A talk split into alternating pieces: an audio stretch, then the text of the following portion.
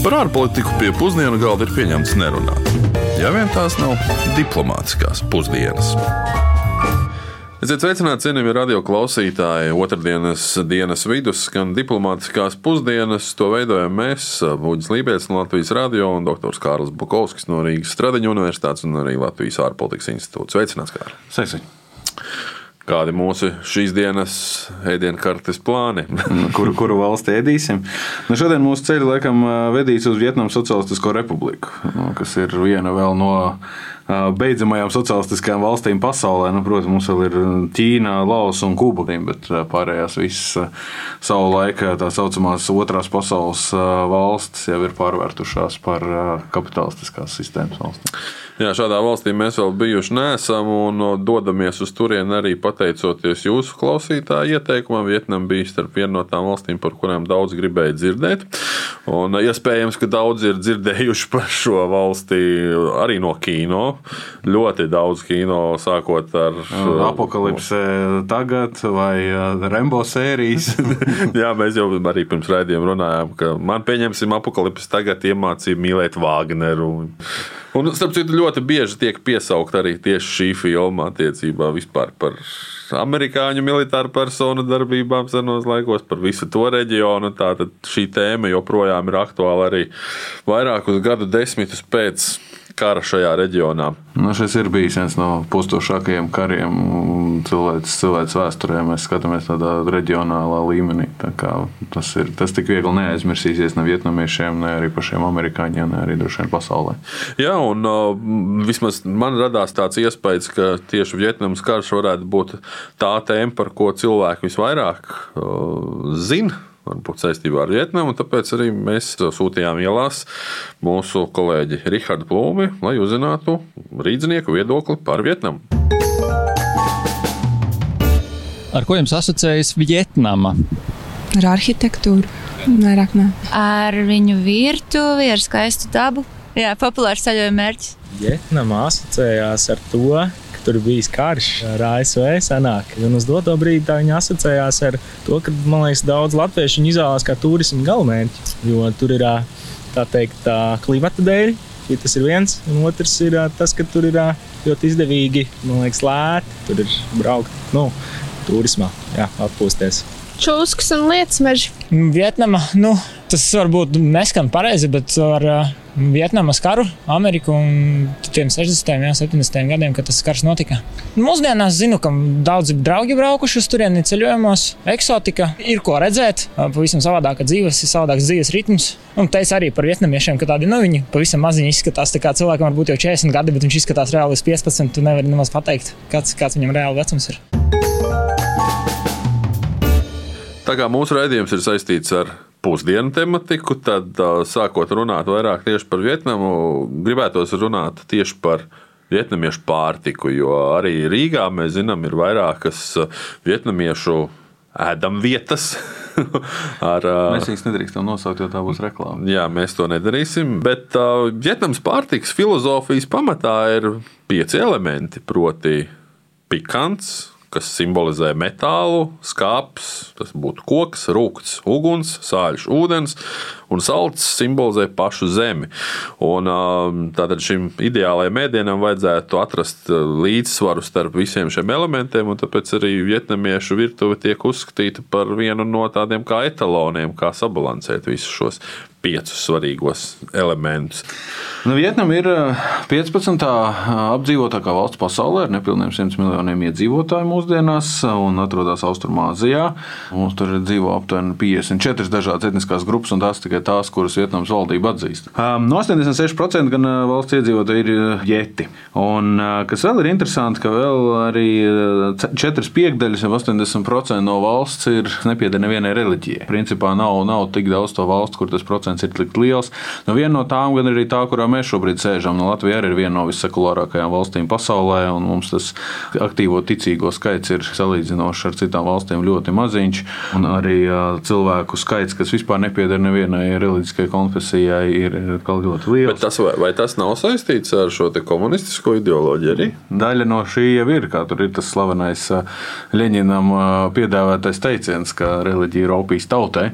Nu, tad, principā, protams, ka šajā gadījumā, ja mēs tā paskatāmies no politoloģijas no viedokļa, tad, protams, ka jebkura reliģiska organizācija ir alternatīvs varas avots valstī. Tāpēc šajā gadījumā vai nu tu viņu iekļauj iekšā, vai arī tu viņu likvidē pavisam. Respektīvi, lai nebūtu sabiedrībai, kam vēl sekot līdzi tādām, kas nav atbilstošas komunistiskai vai jebkurai citai totalitārai, vai arī kaut vai demokrātiskai valsts pārvaldē. Jā, bet uh, Vietnama kā komunistiska, sociālistiska valsts faktiski ļoti atšķirās no citām savām līdziniecēm, tīri ekonomiskā ziņā. Nu, jā, nu, principā nominālais IKP valstī ir aptuveni 186 miljardi eiro, bet nu, pēc pirktspējas paritātes, atkal, mēs paskatāmies par to, cik cilvēki var atļauties par saviem ienākumiem, tad uh, rādītājs ir 5800 eiro uz vienu cilvēku. Nu, Latvijas gadījumā tas ir četras lielāks, no 23,000. Un, uh, principā, protams, izaicinājumi, kas valstī attiecībā uz nabadzības likvidēšanu, un tas, ka vēl pavisam nesen uh, lielākā daļa Vietnamas iedzīvotāji dzīvoja zem ienākumiem ar mazāk kā vienu dolāru dienā, un arī šobrīd uh, gada vidējā alga valstī ir nedaudz virs 1000 eiro. Nu, Latvijas gadījumā pirms nodokļu nomaksas šis pats ir mēnesī. Jā. Jā. Ņemot vērā šo visai spiedīgo, varētu teikt, finansiālo stāvokli, Vietnama tomēr ir valsts, kas ir izpelnījusies savu vietu, nu, jāsaka, globālajos tirgos, globālajā ekonomikā. Jo arī šogad, 1. augustā, spēkā stājās Eiropas Savienības brīvās tirdzniecības līgums ar Vietnamu, kas ir lielākais brīvās tirdzniecības līgums ar kādu no attīstības valstīm. Un nu, tuvāko 5 līdz 10 gadu laikā ir plānots atcelt aptuveni 99% dažādu muitas nodevu. Un, tā Eiropas komisija prognozēja, ka līdz 2035. gadam Eiropas Savienības iekšzemes koprodukts dēļ tirzniecības ar Vietnamu varētu palielināties aptuveni par 30 miljardiem. Nu, Tas ir aptuveni 2 miljardi gadā. Bet tā pašā laikā Vietnamas lielākais eksporta partneris ir Amerikas Savienotās valsts. Nu, importa partneris ir Ķīna, bet eksporta partneris ir Amerikas Savienotās valsts. Un es domāju, ka mēs vēl tālāk parunāsim par to, kādas ir šīs ASV un Vietnamas bēdīgi slavenās attiecības mūsdienās. Runājot par to, ko pati Vietnama eksportē uz citurienu pasaulē Vietnama ir lielākais Indijas riekstu eksportētājs pasaulē. Tie ir aptuveni 55% no visas pasaules Indijas riekstu apjoma. Tas ir arī ļoti daudz. Bet uh, Vietnama ir arī lielākais melno piparu eksportētājs. Tur ir aptuveni 30% no pasaules tirgus. 30% pasaules tirgus. Jā. Um, jā, bet par Vietnamas politiskajiem izaicinājumiem uh, lūdzam komentēt arī Latvijas ārpolitikas institūta pētnieci un Rīgas Tradiņu universitātes Ķīnas studiju centra vadītāja dr. Una Aleksandra Bērziņa Čerenko. Lūk, kas viņai bija sakāms. Vietnamas valdības galvenais narratīvs, protams, ir suverenitāte, arī identitātes nezaudēšana un alianšu neveidošana, jeb tas, ko mēs pazīstam ar slavenajiem trīs nē. Uh, liktos, protams, pavadinoši runāt par kara ar ASV ietekmi šajā ziņā, uh, ka, ka teiksim, Vietnama turās pie, pie, pie kompartijas jau pie šīs sistēmas, bet realitātē, uh, realitātē vietnamiešu komunisms bija atbilde ne tik daudz ASV kara, kara darbībai, bet franču okupācijai.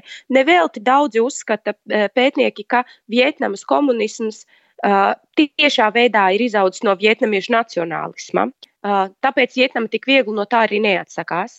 Protams, šeit ir jāatzīmē, ka kompartijas sviras un kompartijas sasaiste ar valdības struktūrām ir savādāka nekā Ķīnā. Dažreiz mums gribās nokopēt to, ko mēs zinām par Ķīnu un par ļoti spēcīgo kompartiju vadošo, un to uzlikt arī Vietnamai. Situācija ir savādāka. Un jāsaka, ka oficiāli vietnamiešu sistēma, vietnamiešu valsts sistēma eh, sen jau nav tikai komunismā balstīta, bet gan saucās tirgus ekonomika ar sociālistisku orientāciju. Saproti, kā gribi, bet tas nozīmē, ka tomēr brīvais tirgus savā ziņā ir šajā ideoloģijā pieļaujams. Uh, un, principā, interesanti, ka ar tik bagātīgu un pretrunīgu vēsturi šodien Vietnama var strādāt ar visiem partneriem, un to es tūlīt arī demonstrēšu. Un, protams, to apliecina pirmkārt jau arī e, komunistiskās Vietnamas tēva Hošimina biogrāfija, kur, kur tik viņš nav pa, pa, paspējis e, savu laiku pamācīties, paviesoties un padzīvot, e, sākot no ASV, beidzot ar Franciju un Padomu Savienību. Kas ir šodien primārais izaicinājums Vietnamai? Tā, protams, ir balansēšana pret Ķīnu. Un ne tikai šodien. Ķīna jau divus tūkstošus gadus uh, vietnamiešu apziņā ir galvenais eksistenciālais risks. Tas ir iegravēts Vietnamas vēsturē. Un šobrīd, kad Ķīna kļūst ar vien pašpārliecinātāka, Vietnama ļoti labi zina, ka tas var beigties slikti. Tāpēc Vietnama balansē pret Ķīnu, gan iesaistot ASV, gan arī mazākā mērā Krieviju.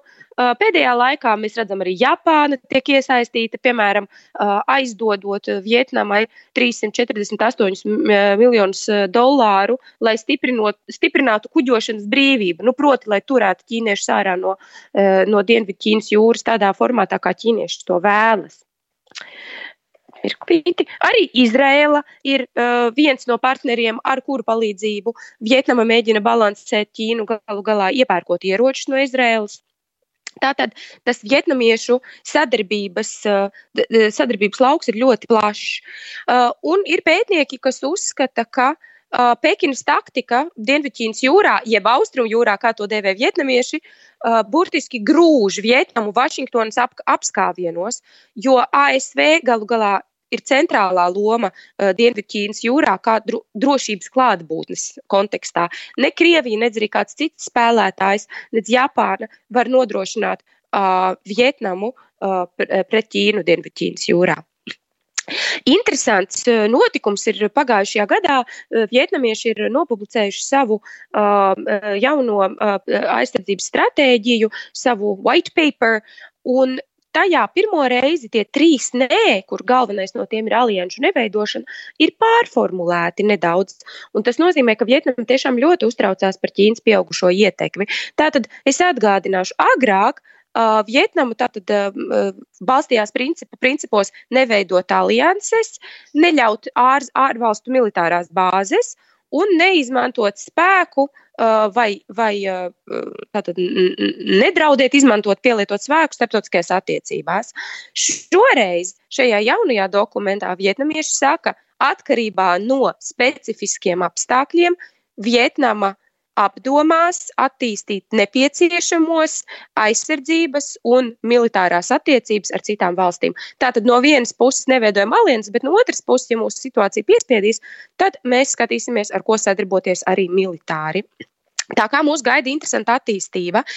Uh, protams, uh, ja pie lielākā izaicinājuma, ja Vietnama ir Ķīnas pašpārliecinātība, tad plašākā uh, vēsturiskā mērogā tā ir ne, nespēja uzticēties nevienam.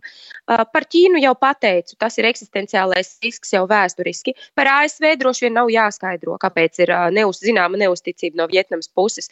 Arī ar Krieviju Vietnama nav aizmirsusi 1978. gadu, kad uh, Trešajā Indoķīnas karā PSRS principā atstāja Vietnamu savā, uh, savā nodabā un ievainojumu Ķīnai. Uh, Tomēr vietnamieši ir pragmatiķi un viņi uh, mēdz savu, savas vēsturiskās sāpes uh, pagriezt klusāk vai skaļāk atkarībā no tās situācijas, kurā viņi ir šodien. Uh, vien, viens izaicinājums saistībā ar tuvāku uh, Vietnamas, nu, teiksim, ar Vietnamas tuvināšanos ASV gan paliek. ASV ir struktūrāli antagonizējošas no Ķīnas viedokļa. Savukārt Krievija vai kādi citi aktori nē. Un tāpēc Vietnamai vajag daudz un dažādu partneru, lai noturētu Ķīnu. Gribētu noslēgumā piebilst, ka mums Latvijā būs arvien interesantāk un svarīgāk sekot līdzi Vietnamas politikai un Vietnamas ārpolitikai, jo vietnamiešu, kas ir apmetušies uz dzīvi Latvijā, skaits palielinās. Vēl vēlos teikt, ka šobrīd tieši pati rakstu grāmatu par Krievijas un Ķīnas attiecībām, un Vietnama ir viens no ļoti svarīgiem lakmus papīriem, kas parāda daudz plašākā veidolā lielvaru attiecības. Tātad Dienvidķīnas jūra plašākā nozīmē un Vietnama šaurākā nozīmē. Tas noteikti ir reģions, kuram vajadzētu pievērst uzmanību. Kā jau dzirdējāt, arī šajā komentārā Vietnamas kara faktors nekur nav pazudis. Arī vairākus gadu desmitus pēc tā noslēguma, un droši vien par šo karu daudzi zina pietiekami daudz, un arī ar mums ne ar vienu, ne pieciem raidījumiem nepietiktu, lai izstāstītu par šo karu vien. Tāpēc mēs par pašu karu, kurā gāja bojā aptuveni 2 miljoni civiliedzīvotāju un 1,3 miljonu karavīru, nu, par to mēs šoreiz netik daudz varbūt. Jā, mēs drīzāk šo te, ka redz, mēs esam pieraduši, ka amerikāņi to sauc par Vietnamas karu, no Vietnamā šo sauc par amerikāņu karu. Bet tādā pašā laikā Vietnama mūsdienās ir viena no pašām pro-amerikāniskākajām valstīm, un trīs ceturdaļas vietnamiešu uzskata ASV īstenībā ļoti pozitīvā gaismā. Tā pati tuvināšanās, ko mēs tādu nesenākā laikā esam redzējuši, pēdējo 25 gadu laikā, faktiski kopš Bila Klintona, prezidenta Bila Klintona administrācijas laika, viņi ir sākusies 94. gadā tirzniecības embargo atcelšana, tad, protams, arī slaveno Džonu senatoru Džonu Makeina un, un, un, un, un Džonu Kerija ietekme, un kā divi bijušie Vietnamas kara veterāni, un Makēnu mēs zinām arī kara gūsteknis, kurš principā bija tas, kurš teica, ka šīs attiecības ir jāatjauno un ir jāizbeidz šis process. Nu jā, kopš 2001. gada starp Vietnamu un ASV ir brīvās tirdzniecības līgums, un Obamas, prezidenta Obamas prezidentūras laikā 2015. gadā notika pirmā reize, kad Vietnamas Komunistiskās partijas ģenerālsekretārs bija oficiālā vizīte Amerikas Savienotajās valstīs. Un šī varbūt tās ir viena no tām lietām, kur prezidents Trumps nav gājis pretēji prezidenta Obamas iesāktajām politikām, un 2017. gadā, piemēram, parakstīja vēl papildus tirdzniecības līgumus ar, ar, ar Vietnamu. Tad mēs varam teikt, ka Vietnama ir salīdzinoši neliela valsts, kas iet savu ceļu, neskatoties ne uz kādiem izaicinājumiem, uz vēsturiskiem faktoriem un arī uz pasaules attieksmi. Lai cik būtu paēdis, vienmēr ir vieta arī desertam. Un tagad, laikam, jāķerās pie deserta, bet laikam ne pie pašā ēdamā deserta, bet pie tā, ko pie desertiem parasti mēdz dzert klāt. Šeit mēs nerunāsim par desertu vīniem, bet gan par kafiju. par kafiju, jā. Un, uh, mums, es pieļauju, abiem bija diezgan liels pārsteigums, ka Vietnama ir otrs lielākais kafijas ražotājs pasaulē. Un eksportētājs pasaulē pēc Brazīlijas. Jā, jā un, un, un es salīdzināju šos skaļus, ka Vietnamā saražo apmēram divreiz mazāk uh, kafijas nekā Brazīlijā, bet aptuveni divreiz vairāk nekā Kolumbijā. Un tā ir īstenībā bijusi vesela valsts politika. Pēdējos uh, 30 gados uh, Vietnama ļoti mērķiecīgi ir sākusi ražot un audzēt un ražot kafiju un beig beigās ir ieguvuši šobrīd jau 20% pasaules tirgus. Un vietnamieši ne tikai uh, tirgo kafiju un audzē, bet arī paši ļoti daudz dzer un ļoti īpašā veidā ar kondensēto pienu. Un uh, galvaspilsētai raksturīgi esot arī kafijas paveids, kur šo kondensēto pienu saputo kopā ar olas dzeltenumu un tā kā kapučīno putas liek virsū kafijai. Izklausās uh, patiešām ļoti eksotiski. Ar šo garšīgo noti arī izskan mūsu šīs nedēļas diplomātiskās pusdienas. Nākamajā nedēļā dosimies uz Dienvidamerikas pašiem dienvidiem. Proti, tuvāk Antarktīdai. uz Falklandas salām. Un uh, vēl tikai pieminēšu, ka mūsu raidījumu, jebkurā jums pieejamā brīdī un vietā, varat klausīties arī podkāstā. Un podkāsti mēdz būt arī nedaudz garāki nekā mūsu 15 minūšu raidījumā ar vairāk viedokļiem un dažreiz arī vairāk faktiem. Uz atdzirdēšanos jau pēc nedēļas. Lai izdodas!